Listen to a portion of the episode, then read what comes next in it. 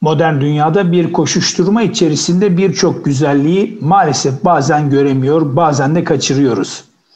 Pekala dinimiz İslam'da yeri mevcutken bizler neden zamanı ve değerini bilemiyoruz tam manasıyla? İşte tüm bu soruların cevabını arayacağımız programımız başlıyor. Kıymetli dinleyenler, Gönül Bahçemiz Erkam Radyo'ya Bakış Açısı programına hepiniz hoş geldiniz. Bu programda zaman yönetimini gündemimize alacağız. Ee, çok değerli bir hocamızla beraberiz. Eğitimci yazar Serkan Ekmen hocamızla birlikteyiz. Hocam hoş geldiniz. Nasılsınız? Hoş bulduk. Çok teşekkür ederim Ahmet Hocam. İyi yayınlar diliyorum. Gayet iyiyiz. Sizleri gördük. Daha iyi olduk. Allah razı olsun. Çok teşekkür ediyoruz. Ee, hocam klasik olacak belki ama e, zaman yönetimiyle alakalı zaman nedir? Zaman neden önemlidir? Ee, bize bir farklı bakış açısı yansıtabilirseniz çok bahtiyar oluruz. Buyurunuz. Evet, şöyle bir bakış açım var doğrusu benim. Ee, benim yaşım 43, 43'e başladık 10 Nisan'dan itibaren. Ee, bizim zamanımızda sokak sokak gezen dondurma satıcıları olurdu. Zaman nedir derseniz ben zaman dondurmadır derim. Ama eskideki o dondurmalardan termoslara koyardı dondurmacılar. Termoslarda alttan elektrik desteği olmadığı için bir şekilde erimeye başlıyor tabii. Termosun kalitesine bağlı olarak işte 2 saatte, 3 saatte, 5 saatte neyse eriyor. Dolayısıyla dondurmacılar sabah dondurmaları alırlardı yapılan yerlerden. Sonra akşama kadar hiç durmadan yürürlerdi. Hızlı hızlı yürürlerdi ve bir yandan da böyle dondurma, dondurma diye bağırmaya devam ederlerdi. Niye? Çünkü dondurmayı ne kadar erken satarsa o kadar iyi para kazanacak. Ama bekledikçe dondurma erimeye başlayacak. Belki de hiç satamayacak. Sermayesi erimiş olacak bir anlamda. Dolayısıyla benim aklıma hep zamanla ilgili meselelerde o dondurmacıların çığlık çığlığa sokak sokak koşturmaları gelirdi. Şimdi biz de bir anlamda sokak sokak koşturuyoruz. İşten eve, evden işe, trafikten, oradan buradan falan işte televizyon, internet sürekli bir koşturma içerisindeyiz. Ve bu koşturma içerisinde aslında zaman dakika dakika, saniye saniye azalıyor, azalmaya devam ediyor, erimeye devam ediyor. E, tabii sermayeyi eritmeyip de ondan para kazanırsa dondurmacı yerine işte evine ekmek götürüyor, yarınki dondurmanın parasını çıkarıyor falan. Sermayesini doğru değerlendirmiş oluyor. Eğer biz de zamanı işte o dondurmacı mantığıyla iyi değerlendirebilirsek eğer, e, yeterince dengeli bir şekilde değerlendirebilirsek, bunu faydaya dönüştürebilirsek eğer, sermayeyi eritmeden kâra geçme ihtimalimiz var. O yüzden kâra geçmek için zamanı doğru kullanmak, verimli kullanmak gerekir. O koşuşturma arasındaki dengeyi muhafaza etmek gerekiyor. Nereye doğru koşturduğumuza dikkat etmek gerekiyor. Hani şöyle olur mu işte dondurmacılar diyelim ki boş sokakları geziyorlar mıydı? Elbette yani. hayır tarlalarda geziyorlar mı? Hayır. En kalabalık neresi varsa, en çok alışveriş yapılabilecek nereler varsa oraları gidip bulmaya çalışıyorlardı. Orada satış yapıyorlardı. Diğer türlü boşa harcamış olurlardı sermayelerini, zamanlarını. Biz de dolayısıyla sermayeyi en iyi nerede değerlendiririz kısmına koşmamız lazım. Nerede değerlendiririz? İşte biraz sonra üzerinde durmaya başlarız belki. En azından boş işlerden yüz çevirmemiz lazım. Ama bununla ilgili tabii zamanla ilgili e, malumunuz Kur'an-ı Kerim'de de Rabbimiz bu konuda bizi sürekli uyarıyor, hatırlatıyor. Zamanla ilgili çok kıymetli ayetler var. Bununla ilgili Rabbimizin yeminleri var hatta. Yani işte Asır suresinde bir anlamda zamana yemin ediyor. İşte Leyl suresinde bir zaman kavramı geçiyor yine. E, işte duha bir zaman kavramı geçiyor orada yine gibi. Buradan şunu anlıyoruz aslında. Hani Rabbimizin haşa e, kendini inanılır kılmaya ihtiyacı mı var? Hayır biliyorsunuz yeminle ilgili aslında yemin edilen şeye verilen değerden kaynaklanır. Dolayısıyla bir dikkat çekmedir. Rabbimiz eğer zamana yemin ediyorsa zamanı tekrar bize aslında bir anlamda gözümüze sokmaya çalışıyor. O yüzden buradaki e, süreçte de bizim, biz Müslümanların biz modern dünya Müslümanlarının biraz daha zamanı da verimli kullanabilmek için bu bakış açısına da kesinlikle sahip olmamız gerekiyor diye düşünüyorum. Tabii e, zaman geri dönüşü olmayan bir maliyet unsuru. E, satın alınamıyor, efendime söyleyeyim kiralanamıyor, değil mi? Depolanamıyor. Eğer öyle bir durum söz konusu olsa büyük ihtimalle az önce verdiğiniz örnek çok önemli bir örnek. E, dondurma satan e, satıcılar herhalde bunu mutlaka yaparlardı, kiralarlardı, depola, depolama yaparlardı. E, tabii sosyal medya gündemimizde ekran bağımlılığı çok has safhaya ulaşmış durumda. Son Yani evet. Bir senedir pandemiyle beraber daha öncesinde mutlaka vardı ama e, öğrencilerimizin işte yetişkinlerimizin iş dünyası, eğitim dünyası derken ciddi anlamda bir e, bağlılık değil bağımlılık haline gelmiş bir durum söz konusu.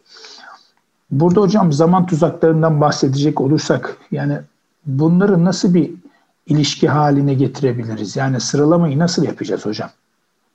Hocam zaman tuzaklarında evet dijital dünya, ekran evet çok çok fazla zamanımızı alıyor. E, bundan da bahsederiz elbette ama bence asıl zaman tuzağı hedeflerimizin olmamasıdır.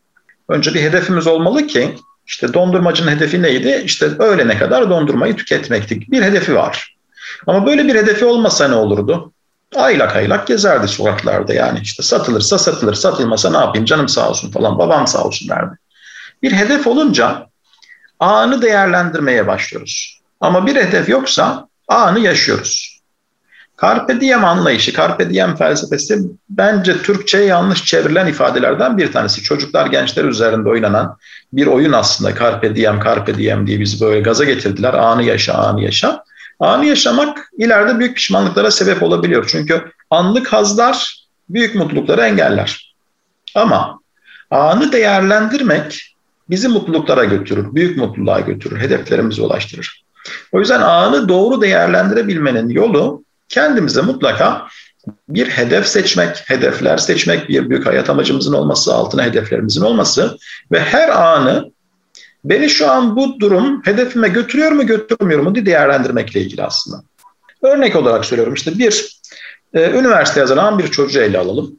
12. sınıf öğrencisi ve sınava girecek. Hedefi ne? Hedef üniversitede o çok istediği üniversiteye yerleşebilmek için işte 450 puanı almak örnek olarak söylüyorum. Evet. 450 puanı almak evet. bir hedef. O, o üniversiteye yerleşmek, o mesleği yapmak için üniversiteye yerleşmek bir hedef. Şimdi bu çocuğumuz eğer telefonda vakit geçiriyorsa, ekran karşısında vakit geçiriyorsa, ne bileyim işte boş işlerle uğraşıp duruyorsa hedefine inanmıyor demektir. Hedefinin farkında değil demektir belki de. Ama bu hedefin belirsizliğini giderip de hedefe tam olarak kilitlenirse, inanırsa o zaman şu sorgulamaya maruz kalmaya başlıyoruz. Diyorum ki ben şu an sabah 9'da kalktım. Bir dakika ya ben sabah 9'da kalkarak acaba bu hedefe ulaşabilecek miyim? Yoksa bunu 8'e mi çekmem lazım?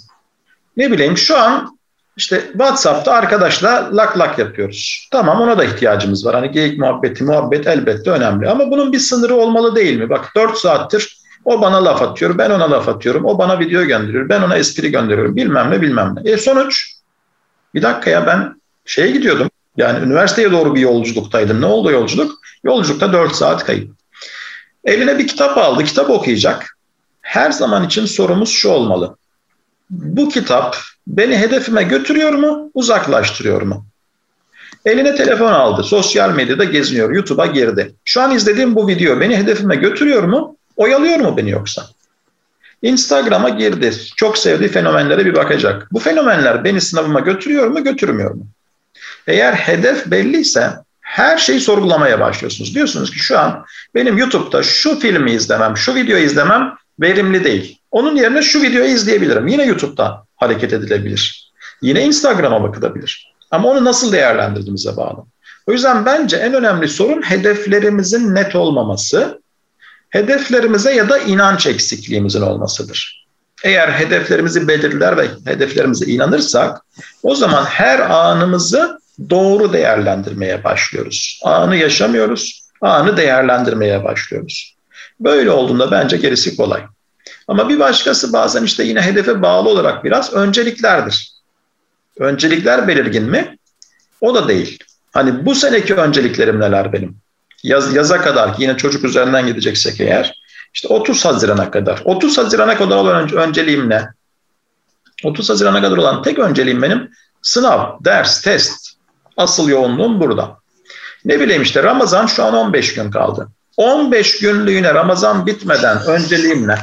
Ona göre bir belirleme içerisine girmemiz gerekiyor. Yoksa önceliği belirlemediğimizde arada kaynıyor, kayıyor, bitiyor süre diyorum ki ya bak tüh Koskoca 30 gün geçti Ramazan verimli geçiremedim, verimli değerlendiremedim. Bak 365 gün geçti verimli değerlendiremedim. Önceliğim üniversite sınavı olmalıyken işte YouTuber olmaya karar verdim bir anda. YouTube'dan videolar çekmeye başladım falan. Tamam yani o da başka bir iş, başka bir meslek, belki başka bir sektör. Ama önceliğim 30 Haziran'dan sonraya atabilirim bazı şeyleri. O yüzden erteleme dediğimiz e, kavramı, mantığı böyle oturtmak lazım. Erteleme meselesi güzel bir şeydir aslında. Çoğu şeyde olduğu gibi hani biz bazı şeyleri böyle iyi mi kötü mü bıçak gibi hani bıçak iyi mi kötü mü? Yani ekmek kesiyorsan ekmeğine tereyağı sürüyorsan iyi bir şey ama işte Allah korusun e, birisine saplayacaksan kötü bir şey. Sosyal medya kötü bir şey mi? Hayır yani iyi bir şey nasıl değerlendirirsen eğer. E, dolayısıyla aynı şekilde buradaki öncelikleri belirlediğimizde hemen faydaya dönüştürme ihtimalimiz var. O yüzden önceliklere de mutlaka biraz kafa yormamız gerekiyor. Hedefler ve öncelik olduktan sonra zaten sosyal medyadan korunabiliyoruz, doğru yönlendirebiliyoruz, yönetebiliyoruz. Televizyon, dizi bağımlılığı, ne bileyim işte film bağımlılıklarından kurtulabil kurtulabiliyoruz. Bir oyun bağımlılığı biliyorsunuz bu ara çok çok yoğun, çok popüler. Ne bileyim bilmem ne oyunlarına kadar artık isimlerini aklımızda tutamıyoruz falan. Ee, bunların hepsi zaman tuzağı. Bakın oyun oynanır mı? Oynanır. Ama önceliğim değil. Önce işimi gücümü bitiririm. Dersime çalışırım, testimi çözerim, kitabımı okurum, Kur'an'ımı okurum. Neyse hani önceliklerimiz. Önceliklerimi yaparım. Ha üzerine biraz oyun oynarım. Önceliklerimi gerçekleştiririm. Üzerine biraz sosyal medyaya takılabilirim. O yüzden öncelik belirlendiğinde, süzgeçten geçirdiğimizde acil ve önemli işlerimizi önce yaparız. Önemli işlerimize devam ederiz. Sonra acil olmayan işlere geçiş yapmış olabiliriz. O yüzden buradaki süreç biraz böyle. Hani erteleyeceksem Brian Tracy'nin Ye Okur Bayi diye bir kitabı var. Orada kullanıyor bunu. Yaratıcı savsaklama tekniğini kullanın diyor ifade olarak. Nedir bu yaratıcı savsaklama? Önemsiz şeyi ertele diyor. Hani elini telefona doğru attın, de ki 15 dakika sonra telefona dokunacağım. Bunu ertele. Televizyona açacaksın, tam kumandayı eline aldın. Bakıyorsun ki ya neyse benim dizi diyelim ki 9'da başlıyor. Hani 8.30'da da açmayayım bari hani. 8'de de açmayayım bir de tekrarını izlemeyeyim. Neyse 9'da açayım de. Ertele. Buna benzer seni verimli yaşamını engelleyecek şeyleri ertele. Bunu ertelersen o zaman e, doğru bir erteleme tekniği kullanmış oluyorsun. Ama bir zaman tuzağı mıdır aynı zamanda erteleme? Evet aynı zamanda da bir zaman tuzağıdır. Neyi erteliyoruz? Tam olarak önceliğimiz olan, faydalı olan, şu an yapmam gereken şeyleri erteliyorum. Bu hepimizin hastalığı. Sadece çocukların, gençlerin değil, hepimizde var bu hastalık. Yani şu an ne bileyim diyelim ki işte her gün 30 sayfa kitap okumam gerekiyor. Böyle bir hedef koydum kendime. Veya bir kitabı aldım bunu bitireceğim dedim. Ama erteliyoruz sürekli. Tam kitap alacağız neyse şu film bitsin ondan sonra, şu dizi bitsin ondan sonra. Dur telefonda şuna bakayım ondan sonra kitap bitmiyor. O yüzden hepimizin evinde sanırım, hepimizin evinde, elinde, ofisinde, çantasında yarım bırakılmış onlarca kitap var biliyorsunuz. Başlamışız bitmemiş, başlamışız ya da ya da ya da hiç okunmamış. Ya da hiç okunmamış. Şey diyorlar yani kitap alma hızım okuma hızımdan çok daha yüksek. Biz de o yüzden diyoruz ki Ahmet Akay Yazak'tan siz mutlaka hızlı okuma eğitimi almalısınız o zaman. O zaman okuma hızınız da alma hızınızı geçmiş olur. E, dolayısıyla buna benzer böyle erteleyeceksek eğer biz oyalayan şeyleri ertelememiz lazım. E, verimli şeyleri de hemen yapmalıyız. Hemen yap. Benim kendi açımdan bazen kendi hatırlamaya çalıştığım bir arada ekran görüntüsü yaptım kendime. Hemen yap sloganını benimsemiştim. Aklına geldi mi? Hemen yap. Ya şunu bir arayayım ya. Ahmet Hoca ile bayağıdır görüşmedik ya. Bir arayayım mı? Dur şu işi bitireyim de onu. Hayır. Hemen ara. Hemen ara. Aradan çıksın. Zihninde büyümesin çünkü. Erteledikçe büyüyor. Ne bileyim evde priz yerinden çıktı. Prizi bir yerine takayım. Ne kadar sürecek? Hani bir dakika sürecek. Tornavidayı alacaksın. Priz yerine yerleştireceksin. Vidayı sıkacaksın. Bir dakika. Ama ona bakarız. Bir daha bakarız. Ya şu prizi de bir yerine taksaydım. Şu damlayan musluğu da bir yapsaydım. Şunu da şöyle yapsaydım. Bunu da Erteleyip dururuz onu. Erteledikçe gözümüzde büyüyor, gözümüzde büyüyor. Hani hemen yap, aradan çıkar. Yap kurtul, yap kurtul, yap kurtul. Biraz bu mantığa gelmiştim ben kendi açımdan. iyi gidiyordu. Ben de bıraktım bu aralar hani hemen yap. Ben de ertelemeye başladım. Ama mutlaka bu erteleme bağımlılığını e, olumluya dönüştürmek lazım. Olumsuz şeyleri erteleyip, bize faydalı olmayacak şeyleri erteleyip, faydalı şeylerle ilgili de hemen yap prensibini benimsememiz lazım. E, inşallah sorun tabii e, zamanı yönetmek değil anladığımız kadarıyla kendimizi ve işte zaman içinde yönetebilmek çok önemli. E, az evvel tabii 12. sınıf öğrenci kardeşlerimize ilgili örnekler verdiniz. Bunun üzerinde gitmek istiyorum. E, tabii e, 6 Haziran ve 24 Haziran hem LGS hem YKS öğrenci kardeşlerimizin süresi azaldı. Tabii pandemiyle beraber ne olacak tedirginliği kafada veyahut da kafalarda birçok noktada sorular, soru işaretleriyle e, birlikte devam ediyor ama e, anladığımız kadarıyla burada zamanı etkili kullanmak için hocam program yapmak lazım. Doğru mu? Tabii ki. Ee, Verdikten sonra program zaten çıkıyor. İşte o yüzden hep hedef diyoruz. Yani önce bir hedef net olursa ona göre program elbette oturur oturmaya başlar kesinlikle. E, pekala bazen şununla karşılaşıyoruz. Şöyle öğrenci modelleri de oluyor. E, her şeyi istiyor ama bir şey yapmadan istiyor hocam. Yani maalesef Z kuşağının en büyük problemlerinden bir tanesi. Herkesi tabii aynı kefeye koymak mümkün değil ama e, siz de bir eğitimci olarak hocam e, nasıl oluyor hocam her şeyi isteyip de bir şey yapmadan bu mümkün mü hocam? Olmuyor muymuş? Ben de öyle zannediyordum. ya bu, bu garip bir his, garip bir duygu. E, Einstein'ın güzel bir sözü var. E, dünyadaki en büyük ahmaklık diyor, ahmaklıklardan birisi aynı şeyleri yaparak farklı bir sonuç elde etmeye çalışmaktır. Yani ben her gün telefona bakmaya devam edeyim, her gün televizyonda dizi izlemeye devam edeyim ama aynı zamanda büyük bir adam olayım falan. İstediğim o mesleği yapmış olayım. Güzel bir evde oturayım, ne bileyim güzel arabalarım olsun. Biraz kapitalist örnekler oldu ama e, eğer o okulu kazanmak istiyorsan, o eve sahip olmak istiyorsan, o arabaya sahip olmak istiyorsan ya da o güzel ailenin bir bireyi olmak istiyorsan o zaman aynı şeyleri yapmayacaksın. Demek ki aynı şeyleri yaptığında bu sonucu elde edemiyorsun. O zaman hemen bir yöntem değiştirmek gerekiyor. Şey gibi trenler makas değiştirir yani. Baktın ki o yol seni götürmüyor. Hemen rayı değiştir, makas değiştir. Başka bir makas belki seni doğru yoluna götürmüş olacaktır. Bundan dolayı süreci doğru yönetmek elbette çok kıymetli, çok önemli.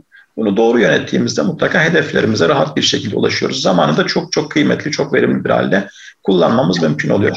Aksi halde karışıp gidiyor zaten süreç. Evet. Değerli hocam, kısa bir araya gidelim inşallah. Reklamlardan sonra kaldığımız yerden devam edeceğiz. Ee, sevgili dinleyicilerimiz kısa bir aradan sonra programımıza kaldığımız yerden devam edeceğiz inşallah. Sevgili dinleyenler kaldığımız yerden devam ediyoruz.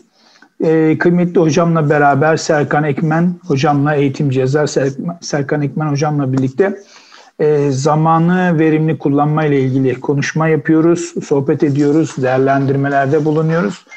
E, hocam tabii e, zaman yönetimini, zaman tuzaklarını e, konuşuyoruz ama bir de parantez içerisinde e, bizim zamanımızda değilim. Yani bundan yaklaşık 15-20 yıl önce genciz halen ama yaklaşık yani 90'ların sonunda hep sokakta mikrofon uzatırlardı işte abilerimize, ablalarımıza, kardeşlerimize. Soru şuydu. Boş zamanda neler yaparsın? Klasik cevap. Kitap okurum, müzik dinlerim. Hocam kitap okuma eylemi boş bir zaman mıdır? Ya bu, bu acı bir şey. Yani cevap olarak da acı, soru olarak da acı. Yani kitap okuma ile ilgili süreci... Bilinçaltımıza sanki bir mesaj vermişler Öyle. birileri tarafından. Evet böyle oturmuş gerçekten. Kitap okuma kesinlikle bir boş zaman eylemi değildir e, kitap okuma yer zamanların düzenlenmesi gereken aslında çok çok önemli bir ana eylemdir kitap okumak. Gelişmenin en önemli, en önemli aşaması, en önemli basamaklarından bir tanesidir biliyorsunuz. Ya okuma ile ilgili süreç şöyle. Rabbimiz Kur'an-ı Kerim'de oku ayetiyle başlıyor ve sadece o ilk beş ayette bile hem okumadan hem yazmadan bahsediliyor. Kalemden, yazmadan bahsediliyor. Bu, bu beni çok etkileyen mesela hususlardan bir tanesidir. Böyle çok klişe olsun diye söylenen ya ilk emri oku, ilk emri oku değil. Gerçekten üzerinde tefekkür edilmesi gereken, derin derin düşünmesi gereken bir meseledir. Ya düşünsenize yani insanlar su gibi içki içiyorlar şirk toplumunda. Ne bileyim çocuklarını gömüyorlar, kız çocuklarını diri diri gömüyorlar. İşte fuhuş deseniz almış başını gidiyor. Kan davaları adam öldürme deseniz almış başını gidiyor. Ticaretteki dolandırıcılıklar, hırsızlıklar, faiz almış başını gidiyor.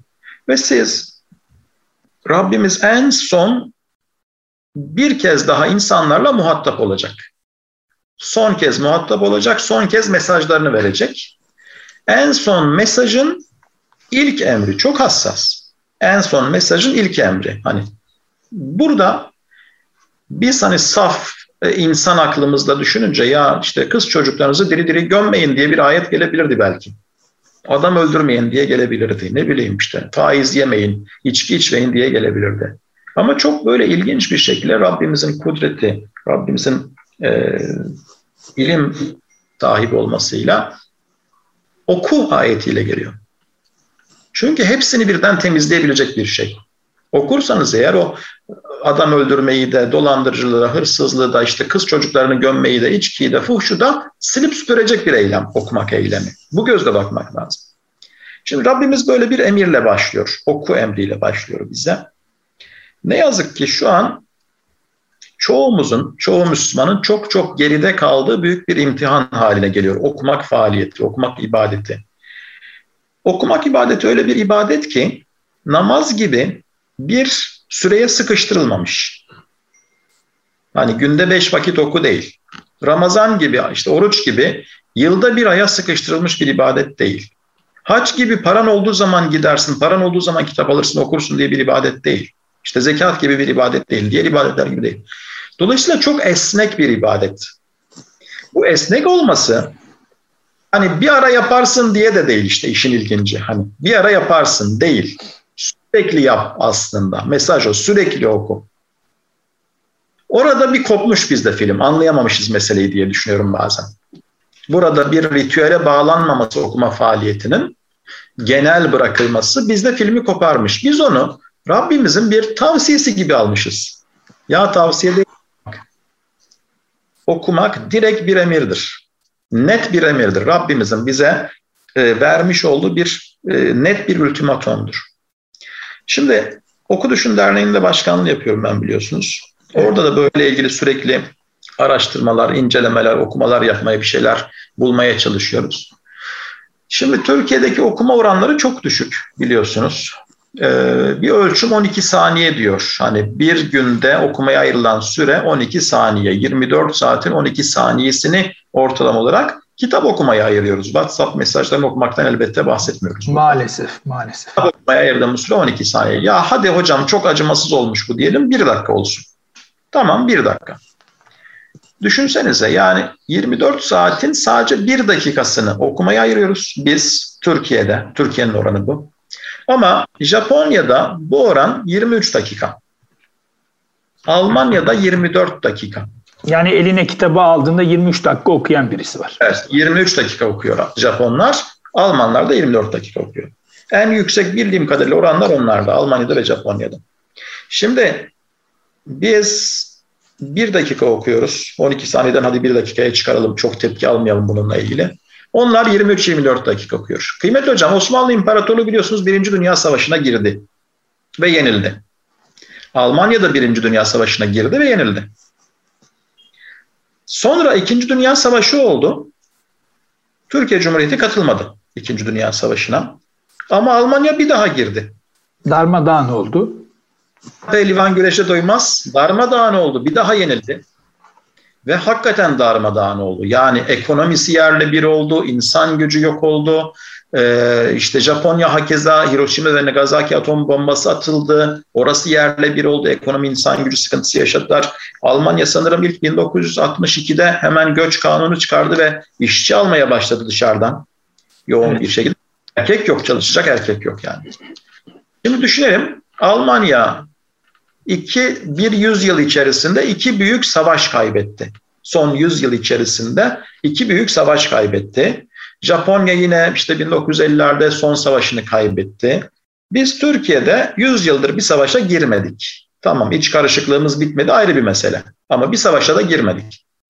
Almanya toparladı, ekonomisini düzeltti, kendine geldi. Dünyanın süper güçlerinden Avrupa Birliği'nin lokomotif gücü oldu. Japonya teknolojinin merkezi haline geldi. Biz 100 yıldır kendimize gelemiyoruz bir türlü. Birçok sebep bulunabilir ama ben Oku Düşün Derneği bakış açısıyla söylemiş olayım. Okumadık ki aklımıza bir fikir gelsin. Almanya şimdi okudu. Okuyarak dedik ya biz o zaman ağır sanayi hamlesine başlayalım ne bileyim işte endüstriyi güçlendirelim. Bir fikir geliyor çünkü. Okudukça fikriniz gelmeye başlıyor. E, bu konuda biz zayıf kaldık ve üretemedik. Mesela Wright kardeşler de okuma fikrini bir kitaptan esinleniyorlar. İşte Jules Verne'in kitaplarından bir sürü bilimsel e, araştırma konusu çıkıyor falan. E, okumayınca çıkmıyor ki bizde bir şey. E, lisedeyken bir böyle e, bir hocamız bir şeyler anlattı, bize anlattı. Sonra var mı sorusu olan dedi. Bizde soru yok. Bozuldu, tebessüm etti. Ya dedi sorunuz yoksa dedi hiç düşünmüyorsunuz, hiç okumuyorsunuz demektir. Çok haklı. Eğer olsaydınız benim şu anlatacağım şeylerden bir sürü soru çıkarırdınız bana. Hocam o niye böyle? Hocam şu niye böyle? Hocam şöyle niye olmadı? Hiçbir şey soramadınız bana. Niye? Çünkü okuyamıyorsunuz. Okuyamayınca düşünemiyoruz da. Biz o yüzden Oku Düşün Derneği'ni böyle iki ismi ard arda getirmiş olduk. Hem bir okuma faaliyeti hem bir düşünme faaliyeti olsun istedim. Yani hem okumuyoruz hem düşünmüyoruz hem de soru sormuyoruz. Hem de soru sormuyoruz. Hocam zaten okuyunca düşünmeye başlıyoruz. Düşününce soru sormaya başlıyoruz. Sorgulamaya başlıyoruz ve üretmeye başlıyoruz. Hani benim üzerime düşen vazife ne demeye başlıyoruz aslında. Evet. O yüzden okuma ile ilgili süreç zamanın en verimli kullanılması gereken yerlerden bir tanesi en çok vakit ayırmamız gereken yerlerden bir tanesi, ana eylemlerimizden bir tanesi olmalı. Ee, işte yemek yemek gibi, su içmek gibi gerçekten bu şekilde oturtmalıyız günlük yaşantımıza, rutinimize. Ama boş zamanınızda ne yaparsınız? Kitap okuruma döndü mesela. O yüzden büyük bir handikap kesinlikle. Okuma faaliyeti, kitap okuma faaliyeti kesinlikle bir boş zaman faaliyeti değildir. Ana bir faaliyettir. Bu ana faaliyetin etrafına diğer faaliyetleri yapıştırırız. Hani boş zamanınızda ne yapıyorsunuz? Instagram'a takılıyorum desinler. Boş zamanınızda ne yapıyorsunuz? WhatsApp'tan arkadaşlarla yazışıyoruz desinler. Ama boş zamanınızda ne yapıyorsunuz? Kitap okuyoruz diyemezler. Kitap okumanın mutlaka belli bir düzeni, planı, programı mutlaka mutlaka mutlaka olmalı. E, değerli hocam bir anımı kısaca paylaşmak isterim. Evet. Bir dönem Avustralya'da eğitim aldık. E, yüksek lisans için gittiğimiz bir dönemde tabii e, dil eğitimimizi belli bir seviyeye getirmemiz lazım ki yüksek lisansa da e, kabul alalım.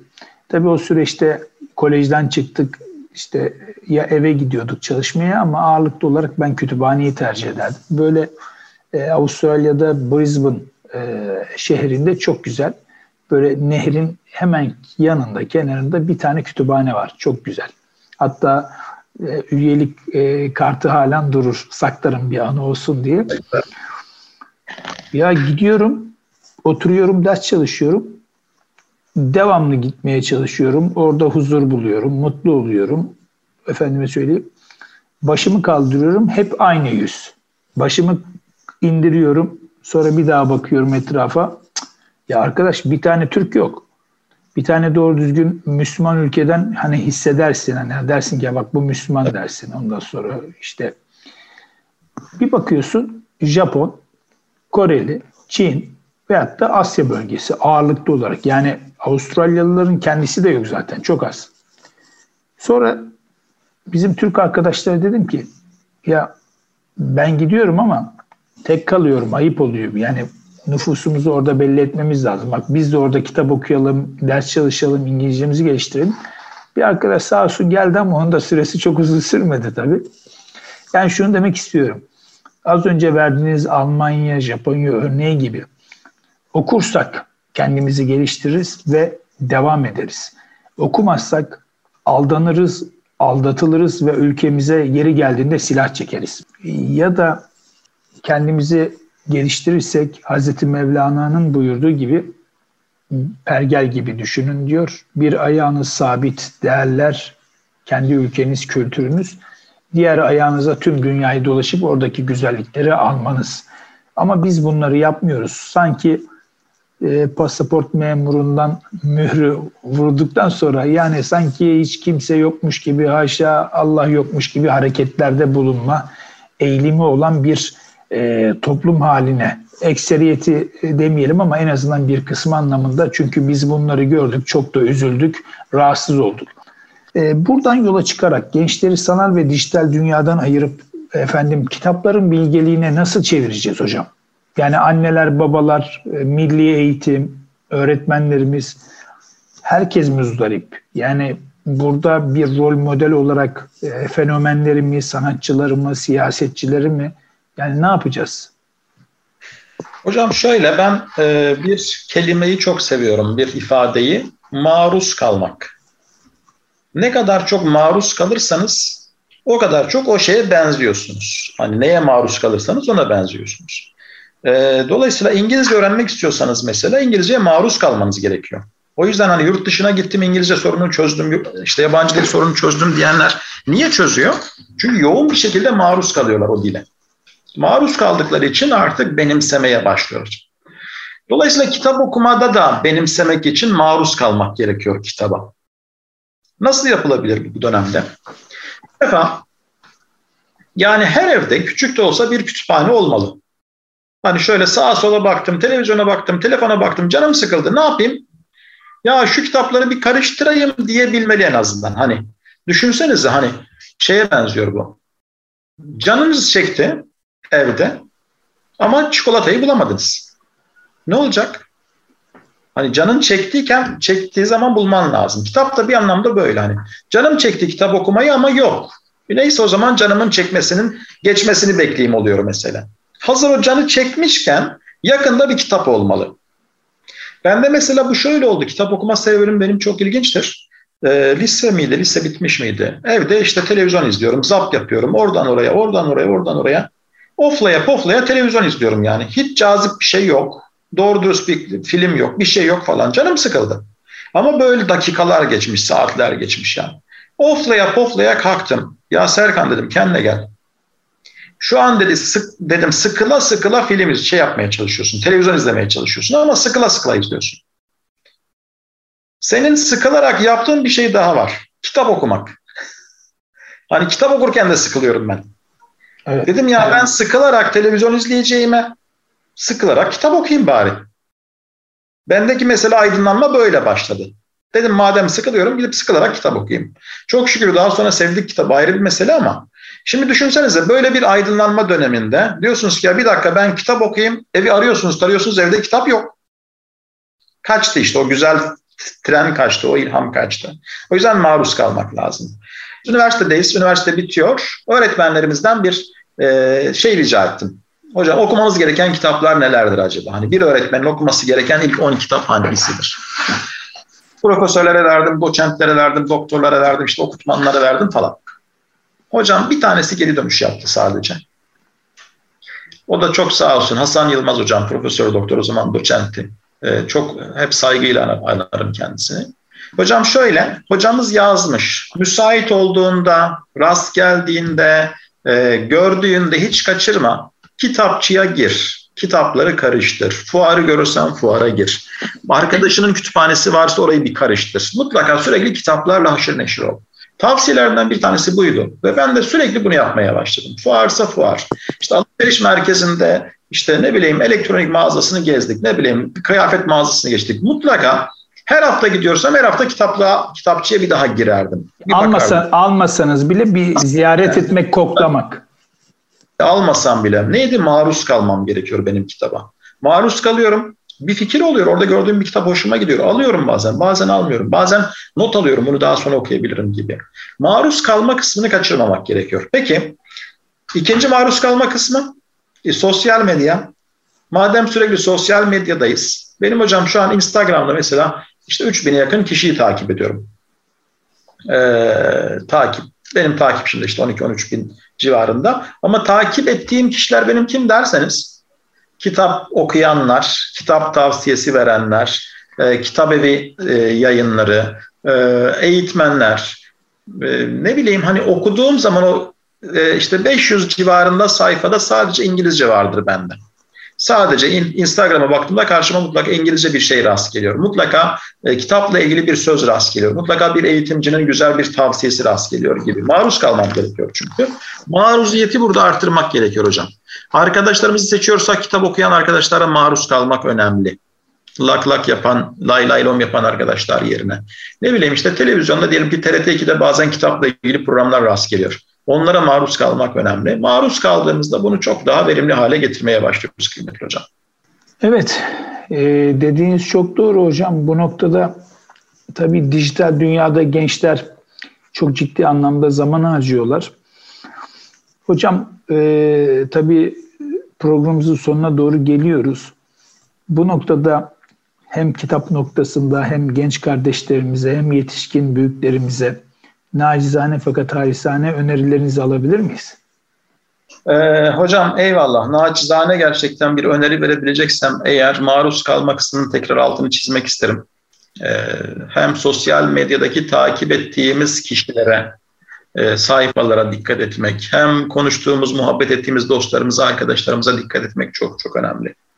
Ee, uzmanlar diyor ki en yakınınızdaki beş kişinin ortalamasınız siz. Yakınınızdaki, en çok zaman geçirdiğiniz, muhabbet ettiğiniz, muhatap olduğunuz beş kişi kimse siz de olsunuz. O beş kişi zamanını iyi değerlendiren, hayata güzel bir pencereden bakan kişilerse siz de güzel bir pencereden bakmaya başlıyorsunuz. Zamana değer veriyorsunuz, kitap okuyorsunuz. Ama o beş kişi eğer farklı farklı işlerle uğraşan, ne bileyim zamanı boş boş harcayan kişilerse siz de onlara benzemeye başlıyorsunuz. Mevlana'nın bir sözüyle bitireyim isterseniz. Diyor ki, gezdiğiniz, dolaştığınız, muhabbet ettiğiniz, muhatap olduğunuz kişilere dikkat edin. Unutmayın, bülbüle karga çöplüğe götürür. O yüzden bizi güle, getir, göle götürecek olan dostlarla bir arada olmak da bence en güzel şey olur. Evet hocam çok teşekkür ediyoruz. Beş şeyin kıymetini beş şeyden önce biliniz buyuruyor Peygamberimiz sallallahu aleyhi ve sellem. İhtiyarlıktan önce gençliğin, hastalıktan önce sıhhatin, fakirlikten önce zenginliğin, meşguliyetten önce boş vaktin, ölmezden evvel hayatın buyuruyor sevgili Peygamberimiz. Evet, kıymetli Serkan Ekmen hocamıza çok teşekkür ediyoruz. Hocam bize vakit ayırdığınız için çok teşekkürler. Allah razı olsun.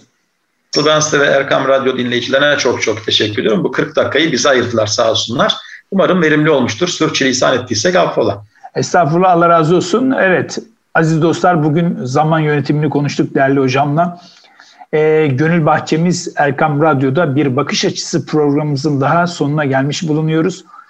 E, programımıza göstermiş olduğunuz ilgiden dolayı her birinize ayrı ayrı teşekkür ediyoruz. Kaçıran veya tekrar dinlemek isteyen dinleyicilerimiz için erkamradyo.com internet sitesinden hem bu programımıza hem de geçmiş programlarımıza ulaşabilirler. Haftaya aynı gün ve saatte yeni bir konu ile huzurlarınızda olabilmek duasıyla e, hayırlı iftarlar, hayırlı sahurlar, hayırlı Ramazanlar diliyoruz. Kulağınız bizde olsun. Allah razı olsun.